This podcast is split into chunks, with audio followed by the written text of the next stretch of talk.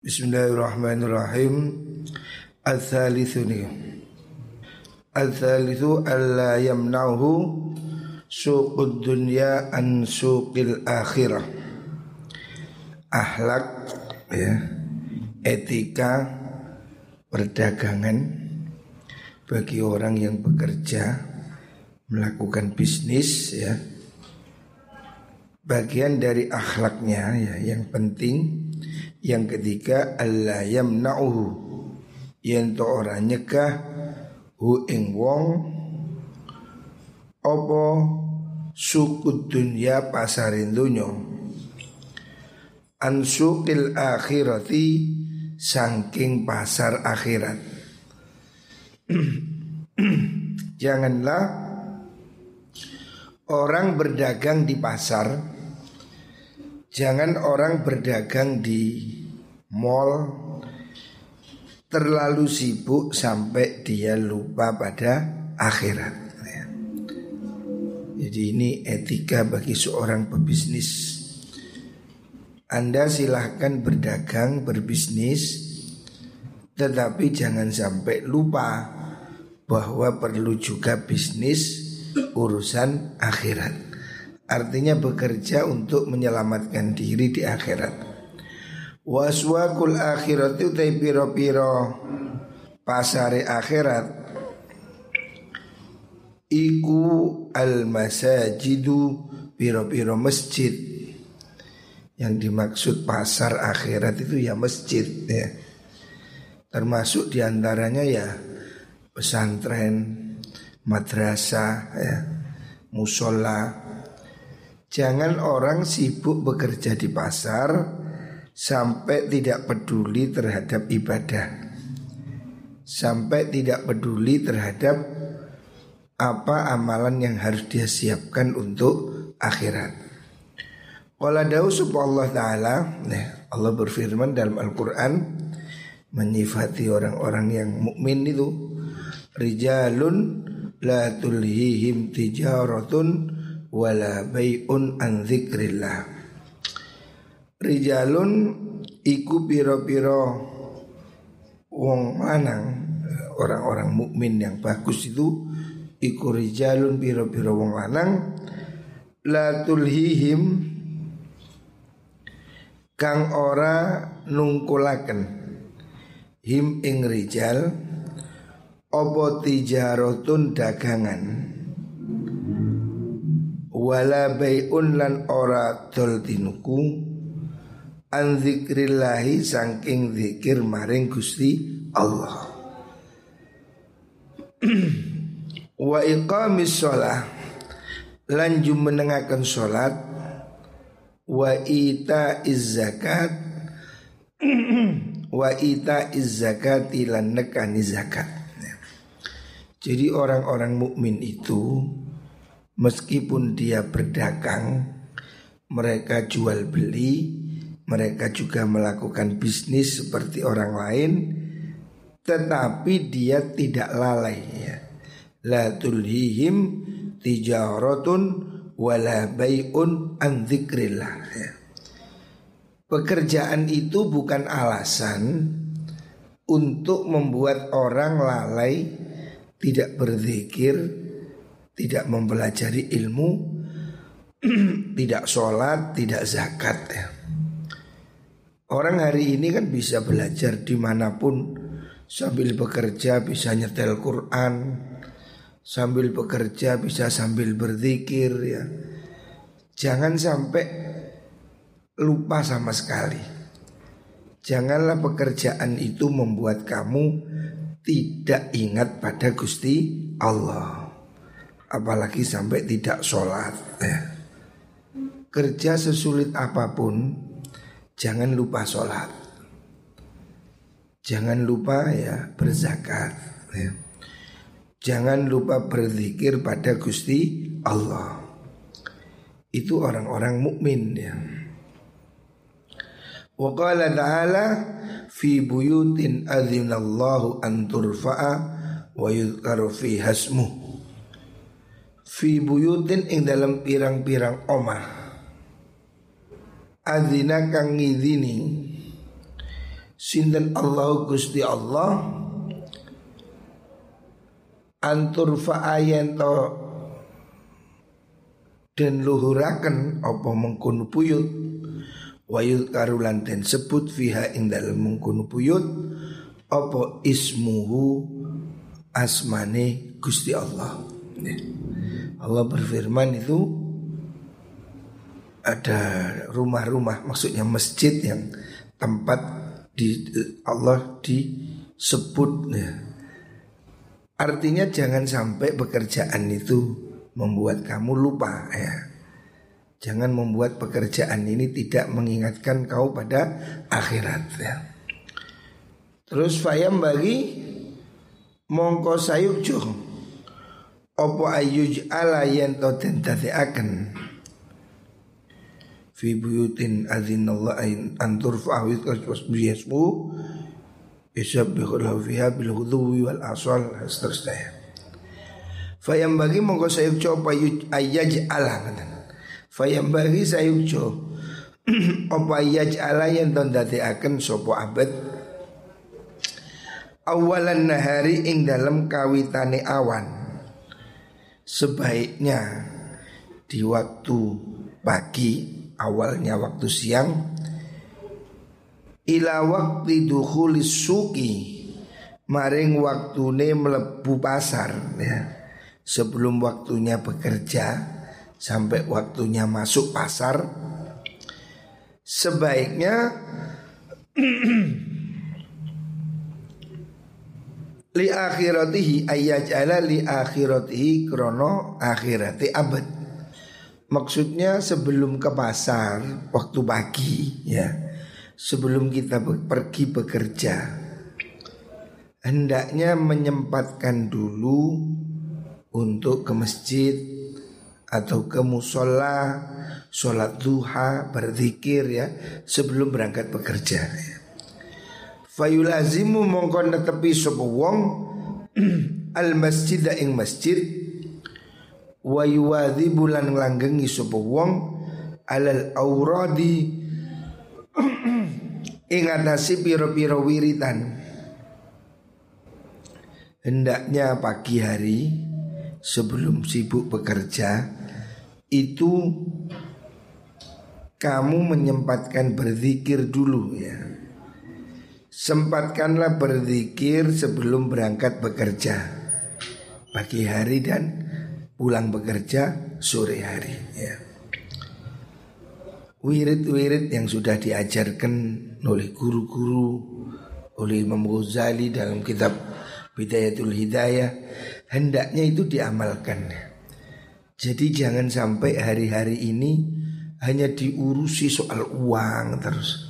Harus ada waktu zikir, waktu baca Quran, waktu sholat duha supaya ada keseimbangan kita ini jangan hanya ngurusi dunia. Fayam bagi mongko sayukjo undi. Wa kana lan ono Sapa Umaru Sayyidina Umar radhiyallahu an iku yakulu dawu sapa Sayyidina Umar litujari maring poro pedagang. Sayyidina Umar pernah berkata pada para pedagang Ij'alu dawing ini Ij'alu ndadekno sira kabeh awwalana harikum ing kawitane waktu siang sira kabeh. Hendaknya kamu menyiapkan waktu awalnya siang maksudnya sebelum berangkat itu li akhiratikum krono akhirat siro Sayyidina Umar mengajarkan kamu itu pagi sebelum berangkat bekerja sempatkan dulu untuk ibadah. Sempatkan dulu sholat duha, zikir, baca Quran ya. Wa malan perkara ba'dau kang sausi awalun nahar iku yakum krono dunyo sira. Jangan kamu hidup sehari hanya ngurus dunia. Pagi setelah subuh ya, sempatkan baca Quran, zikir, sholat duha baru ke pasar. Jangan terlalu pagi ya ke pasar. Lah kalau memang dia pasarnya pagi, ya nanti setelah itu. Ya. Pokoknya kita sehari-hari ini harus ada waktu untuk beribadah, berusaha untuk keperluan akhirat. Wa ono sapa salihus salafi piro-piro ulama soleh ulama salaf. Solihus salaf masa kurun yang pertama ya. Orang-orang soleh, orang bagus dari kaum salaf, kaum yang pertama. Iku yaj'aluna akan sopo solihus salaf akan awalan nahari ing kawitane awan wa akhirahu lan akhiri nahar. Lil akhirati krono akhirat. Ulama dahulu itu gunakan waktu paginya ya waktu sebelum berangkat ke pasar untuk akhirat dan juga waktu sore. Jadi kerja sore pulang baca Quran lagi, zikir lagi ya. Waktu kita ini harus ada keseimbangan antara untuk bekerja urusan dunia dan waktu untuk menabung urusan akhirat. Wal wasato akan ingkang tengah, maksudnya waktu yang tengah, waktu siang, litijaroti krono dagangan. Jadi kalau mau berdagang silahkan. Orang muslim jangan nganggur ya. Jangan tenguk-tenguk pagi bekerja di mana pun silahkan. Tapi sebelumnya hendaknya dimulai dengan ibadah. Minimal lakukanlah sholat duha Supaya rezekinya berkah ya.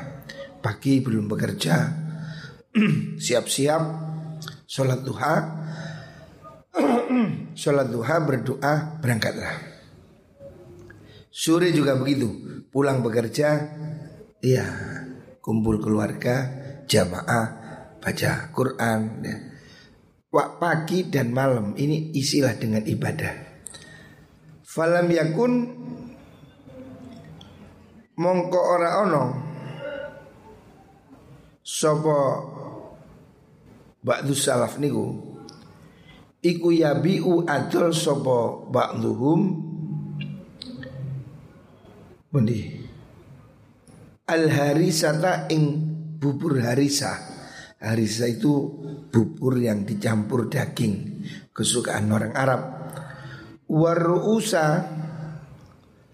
Lan piro-piro Sirai wedus Maksudnya kambing makanan ya Kalau di Indonesia ini ya kayak Sop kambing, sop kikil, gulai gitu Orang mereka jual kepala kambing ya. Bukrotan ing dalam waktu isu Ora atol sopo illa sibyanu angin piro-piro bocah Wa ahlu zimmati lan ahli zimmah kafir zimmi Li annahum kono sudini mungkunu salihus salaf Iku kanu ono sopo salihus salaf Iku fil masajidi ing dalam piro-piro masjid. Pada zaman dahulu kata Imam Ghazali yang jualan sarapan pagi bubur harisa. Jadi orang Arab ini pagi makan bubur. Kalau kita makan pecel. Bubur harisa yang dijual di waktu sarapan itu yang jual anak-anak kecil atau orang non muslim. Sebab semua pedagang pada zaman itu yang baik-baik pagi masih di masjid. Jadi ke masjid dulu baru ke pasar. Nah, ini tradisi orang-orang dahulu. Makanya kamu lihat di mana-mana ya, ini ditiru di Jawa. Biasanya masjid itu dekat pasar. Di mana-mana itu. Masjid dekat pasar. Karena orang-orang dahulu itu kalau mau ke pasar ke masjid dulu sholat duha. Hari ini ya ada yang ke masjid cuma kencing, nguyuh balik mana. Jadi masjid di, dibuat tempat kencing. Masjid Bulu Lawang itu kalau pagi ditutup. Saya bilang sama takmir, Mas masjid kok ditutup saya bilang. Cobalah masjid di pinggir jalan dibuka. Saya bilang. Ah Gus tiang-tiang ten masjid namun nguyuh. Jadi kenapa masjid kok ditutup masjid Bulu Lawang?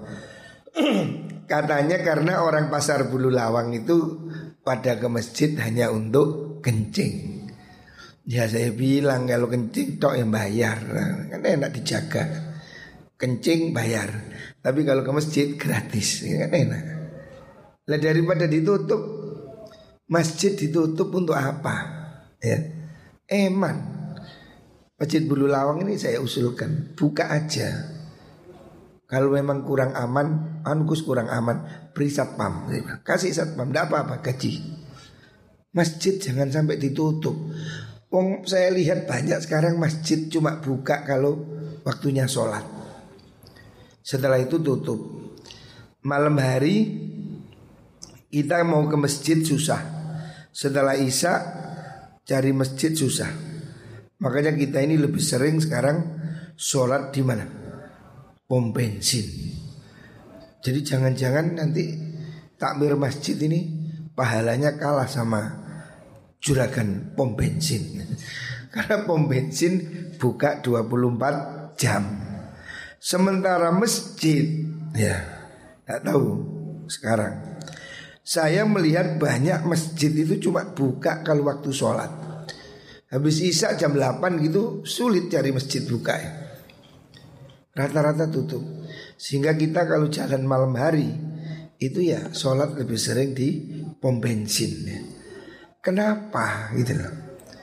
Dulu-dulu ulama kita itu memang merancang masjid dekatnya pasar supaya orang pasar ini jangan hanya mikir dagangan. Orang pasar juga harus ke masjid Makanya hampir di semua kota di Jawa ini saya lihat rata-rata masjid dekat pasar, dekat alun-alun, di pusat keramaian ada masjid supaya orang ini ke masjid sambil rekreasi ke masjid, sambil ke pasar juga ke masjid. Tapi hari ini banyak masjid yang kemudian menutup pintu. Akhirnya ya fungsinya kurang. Kalau menurut saya buka aja masjid itu. Beri satpam ya. Masjid Bulu Lawang saya usul Insya Allah mungkin sudah dibuka. Buka aja beri satpam. Lah kan tiang-tiang kencing Kongon bayar? Nguyut tok bayar. Sholat gratis Enak kan? Daripada ditutup. Lah kalau ditutup orang mau sholat duha kan tidak bisa Malam hari juga begitu Apalagi bulan Ramadan ya. Saya kadang mau ke masjid mau itikaf tutup masjid. Buka nanti jam 3 atau setengah 4 Kenapa harus ditutup? Kalau bulan Ramadan masjid sudah jangan ditutup. Buka 24 jam. Kalau kurang aman beri satpam, beri CCTV Supaya masjid itu betul-betul berfungsi ya. Jangan sampai masjid itu cuma hanya untuk Jumatan Atau ya kurang manfaat. Di luar negeri, saya lihat di Amerika, gereja-gereja itu kan sudah kurang penghuni. Sekarang itu buat nampung orang miskin-miskin. Jadi orang imigran-imigran itu tidurnya di gereja. pagi saya pagi di Washington saya jalan-jalan saya lihat orang keluar dari gereja ya kayak gembel-gembel saya tanya kenapa mereka di situ dia bilang gereja menyediakan tempat untuk berlindung orang-orang miskin. Saya bilang itu mulia ya. Lah masa kita ini kalah sama gereja? Masjid dilarang tidur, dilarang bawa anak, dilarang kakean larangan. Ngapa masjid ini milik umat Islam ya? Yang penting terjaga bersih ya. Tujuannya untuk dibuat ibadah. Tidak orang ngantuk-ngantuk ya biasa. Musafir habis sholat ngantuk, pokok gak murep ya. Pokok ganggu kasur. Berilah kesempatan ya musafir ya. Saya kira lebih masjid harus dibikin lebih ramah ya. Jangan masjid jadi kancingan kayak penjara. Kanu fil masjid wa fil lan iku ing dalam hadis innal malaikata sudin malaikat Idza so'adat nalikani munggah sapa malaikat bisuhaifatil abdi kelawan catetane amale kawulo. Malaikat kalau mau naik melaporkan amal manusia ya. Wa fiha lan iku ing dalam sahifatul abdi fi awalin nahari ing dalam kawitane awan. Wa fi akhirih lan ing dalam akhirin nahar zikrun utawi zikir. Wa khairun dan kebagusan kafaroh mongko nglebur sinten Allahu Gusti Allah anhu sangking mengkuno abad. Ma ing perkara bainahuma kang antarane awalun nahar wa akhirin nahar min sayyi'il a'mali nyatane saking olone piro-piro amal. Jadi dalam sebuah hadis diriwayatkan Rasulullah Shallallahu Alaihi Wasallam mengatakan malaikat itu kalau membawa laporan amal setiap hari laporan disampaikan ke langit.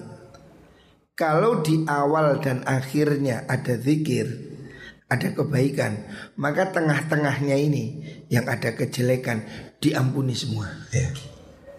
Makanya waktu pagi dan sore ini jangan disia-siakan.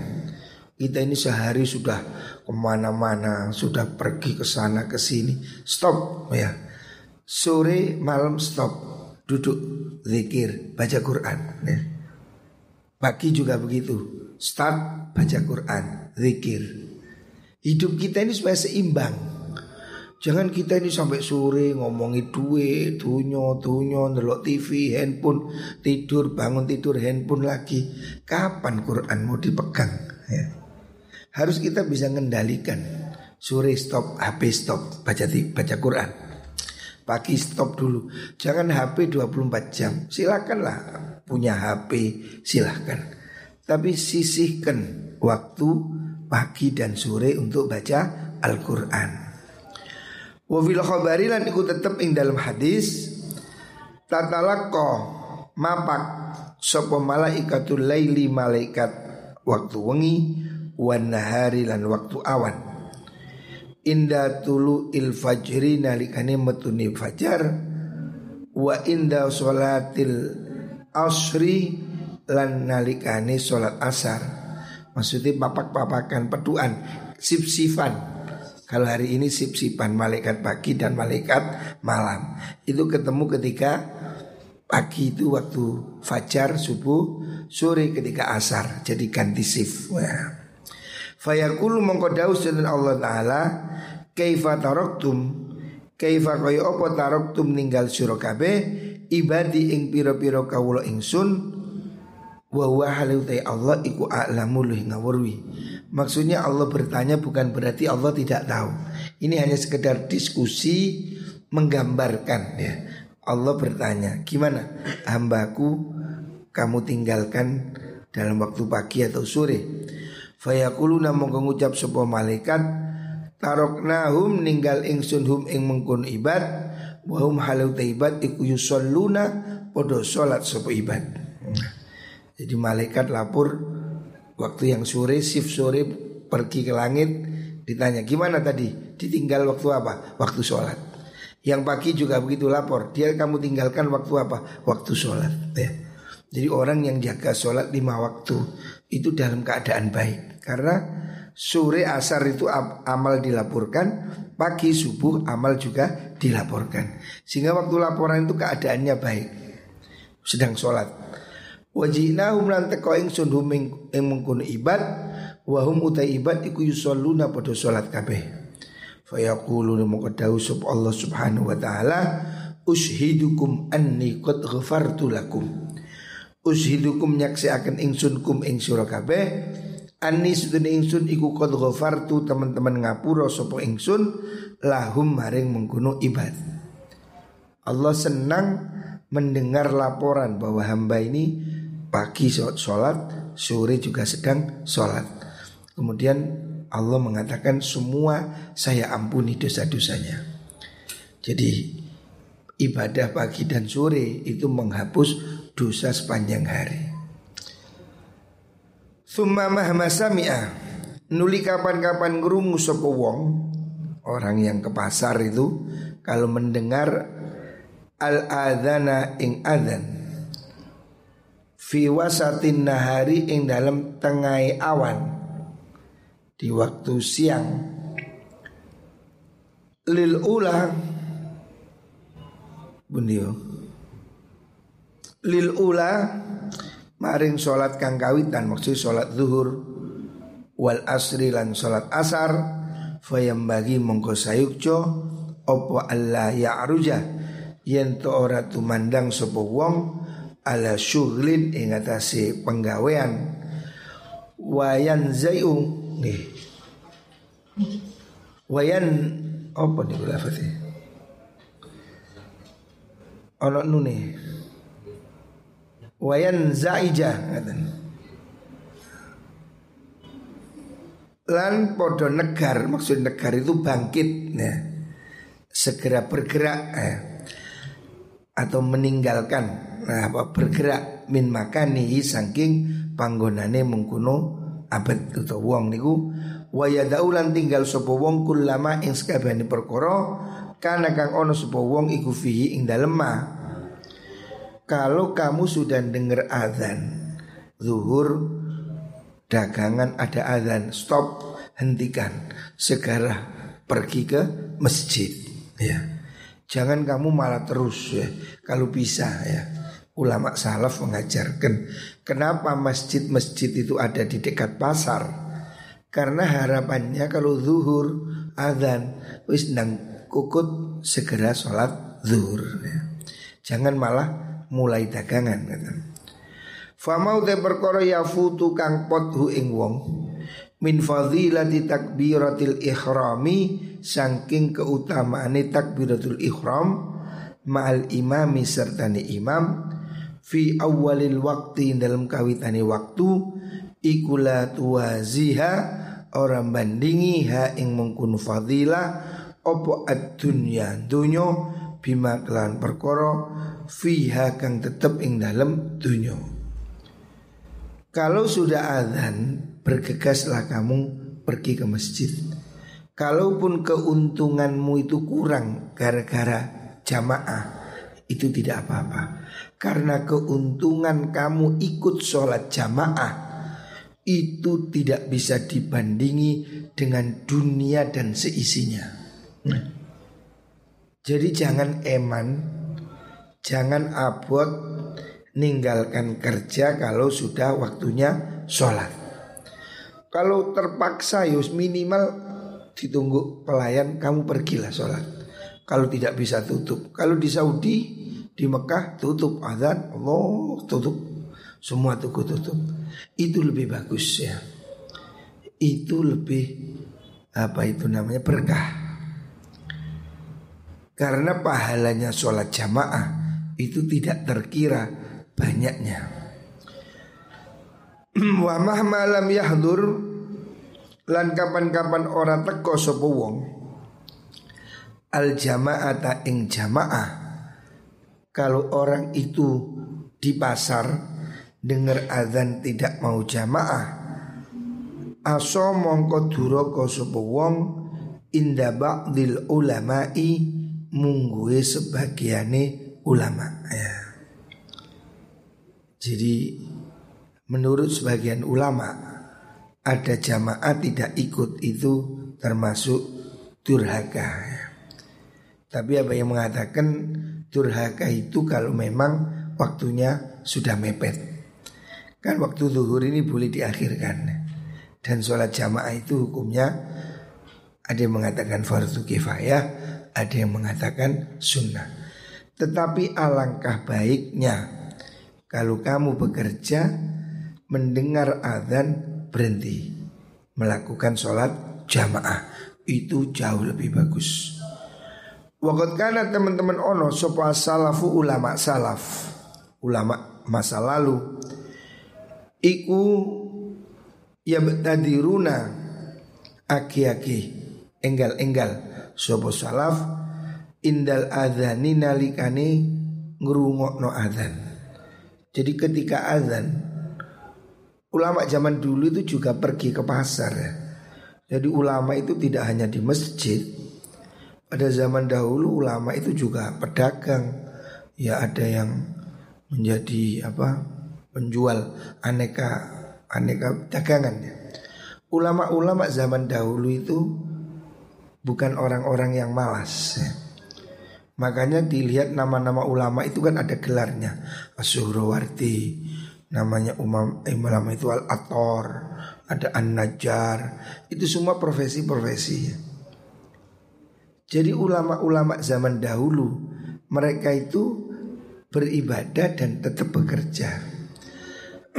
Makanya mereka ini kalau dengar azan Segera bubar. Ya. Pasar zaman dahulu ini dikuasai orang-orang baik Jadi zaman dahulu kiai-kiai itu juga dagang. Kiai-kiai, ustadz-ustadz itu juga merangkap pedagang. Makanya kalau mendengar adzan langsung bubar. Wa yukhalluna lan padha ngosongaken nyepiaken sapa mengkono as-salaf al aswaqa ing pira-pira pasar lisibiyani kedue pira-pira bocah wa ahli zimmati lan ahlu zimmah ahlu zimmah orang non muslim jadi zaman dahulu kalau ada azan orang pergi ke masjid. Yang ada di pasar tinggal anak kecil dan orang non muslim Waktu kanu temen ono sopo ulama salaf iku jiruna podo nyewo sopo mengkuno ulama salaf asyibiyana ing piro-piro bocah ya Zaman dahulu mereka itu memperkejakan anak-anak kecil Khusus nunggu tuku waktunya sholat ya. Jadi anak kecil suruh nunggu itu Dia pergi sholat ya. Bil korori tikalan piro-piro kirot Maksudnya dengan uang receh Yahfaduna podong rek sosopo sibian Al hawanita ing piro-piro tuku Wa kana ono apa dzalika mengkono istijar iku ma'isyatan dadi penguripan lahum ketuwi mengkono-mengkono salaf. Jadi orang-orang zaman dahulu ya pada zaman Imam Ghazali menulis kitab ini itu pasar dipenuhi orang-orang baik. Makanya ketika di waktu azan itu semuanya pergi ke masjid yang ada di pasar tinggal anak-anak kecil. Anak-anak yang belum wajib jamaah. Anak-anak yang belum balik Itu sengaja ditaruh di situ untuk jaga barang. Jadi anak kecil dikasih upah. Waktu zuhur suruh nunggu toko Dia pergi ke masjid Jadi seperti itu yang dilakukan ulama pada zaman dahulu. Artinya mereka juga bekerja kiai-kiai pada zaman dahulu itu juga pedagang ya. Jangankan kiai, Rasulullah Wasallam, kanjeng Nabi itu juga pedagang. Dan sahabat rata-rata profesinya pedagang. Sehingga pasar pada zaman itu itu baik. Karena orang-orang yang ke pasar ini orang-orang yang apa itu orang soleh, orang beragama. Jadi tidak ada kecurangan, tidak ada kedengkian karena mereka semua orang-orang baik ya pergi ke pasar. Enggak seperti hari ini. Hari ini yang ke pasar kan ya macam-macam. Dan kiai-kiai hampir tidak ada yang pergi ke pasar. Makanya saya dulu latihan. Saya tahun 97 buka toko pasar Bulu Lawang itu.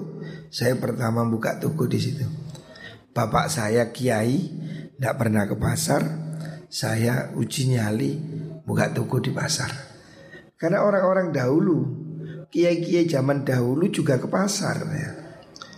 Jadi santri jangan malu bekerja. Silahkan ya. Santri kiai juga kerja. Itu lebih baik daripada dia tomak. Daripada dia mengharap pemberian orang lain ya bekerja ke pasar itu bagus ya. Tidak apa-apa. Waqad ja'a teman-teman temukan fi tafsiri qauli ta'ala ing dalam tafsiri dawi Allah taala rupane rijalun la tulhihim tijaratun wala bai'un an wa iqamis shalah. Innahum sedune mengkono-mengkono rijal Iku kanu ono sapa mengkono rijal iku haddadina piro-piro tukang besi. Mereka itu pada zaman itu profesinya sebagai tukang besi. Wa harrazin lan piro-piro harrazin wal harrazin benih wa kharrazin khurrazin. Apa artinya khurrazin? Lali Khurrazin ini sejenis pekerjaan ya. Wa khurrazin lan tukang lek kayak maknane kitabku iki khurrazin maknane tukang ngedumi ya tukang ya apa pekerjaan tukang apa itu khurozin Nanti saya lebih jelasnya ini Kayak gini maknanya tukang dondomi ya. Ya penjahit ya. Wa ghairu dhalika lan diyane mengkono haddadin wa khurozin Wa kana lan ono sop al haddadu tukang besi. Wa kana mongko ono sop ahadum salah suci mengkono rijal Idza rof analika ngangkat sop al kata ing paku au gharaza utawa nancepaken sapa wong al asfa ing dom jarum. Fasami mongko ngrungu sapa wong al adzana ing adam lam yakhruj mongko ora lam yukhrij mongko ora ngetokaken sapa mengkono kharazun al asfa ing jarum anil maghrusi saking panggonane dondomi wal yu walam yuqi lan ora nibaaken al mitra kota ing palu waromalan buang suku wong pihak lan mengkono mengkono uh, mitraqah wa qamalan jumeneng suku wong ila sholati maring sholat ya. Jadi ulama menafsiri firman Allah dalam Al-Quran Rijalun la tulhihim tijaratun wala bay'un Andikrillah surat An-Nur. Orang-orang mukmin yang dipuji oleh Allah dalam Al-Qur'an dalam surat An-Nur mereka orang-orang rijalun, orang-orang pekerja ya. La tulihim tijaratun wala bai'un an Mereka yang bekerja tapi tidak lalai daripada zikir kepada Allah. Ditafsiri oleh sebagian ulama dalam kitab ini yang mereka dipuji itu rijalun yang dalam Al-Quran itu mereka itu profesinya adalah tukang besi. Tukang besi tukang pandai itu. Dan tukang dondomi sepatu. Mereka itu kalau dengar adzan begitu Allahu Akbar nutuk paku gak situ jadi orang pandai besi itu kan di, di bandem mungkin di apa namanya tempah. Tang tang begitu Allahu Akbar mentangnya dihentikan langsung dilepas. Begitu juga yang tukang jahit, ketika dia jahit kan jahit manual pakai tangan. Ketika Allah Akbar mancep, tidak sampai dilepas, cep dilepas. Maksudnya dilepas posisi jarum masih nancep di kulit yang dijahit. Gitu. Artinya sedemikian giatnya ulama pada zaman dahulu, meskipun pekerjaannya tukang pandai besi, meskipun pekerjaannya tukang jahit kain, jahit sandal ya. Mereka ini begitu jahit ada Allahu Akbar jarumnya tidak dilepas, langsung ditaruh pergi sholat. Artinya pekerjaan apa pun itu tidak menghalangi orang untuk rajin ibadah ya. Ini yang bagus ya. Ini yang terbaik ya. Muka-muka kita bisa melakoni minimal ojo sampai ninggal sholat. Kerja sesulit apa pun, bekerja sesibuk apa pun, janganlah sampai melalaikan sholat. Muka-muka diberkahi oleh Allah Subhanahu wa Ta'ala.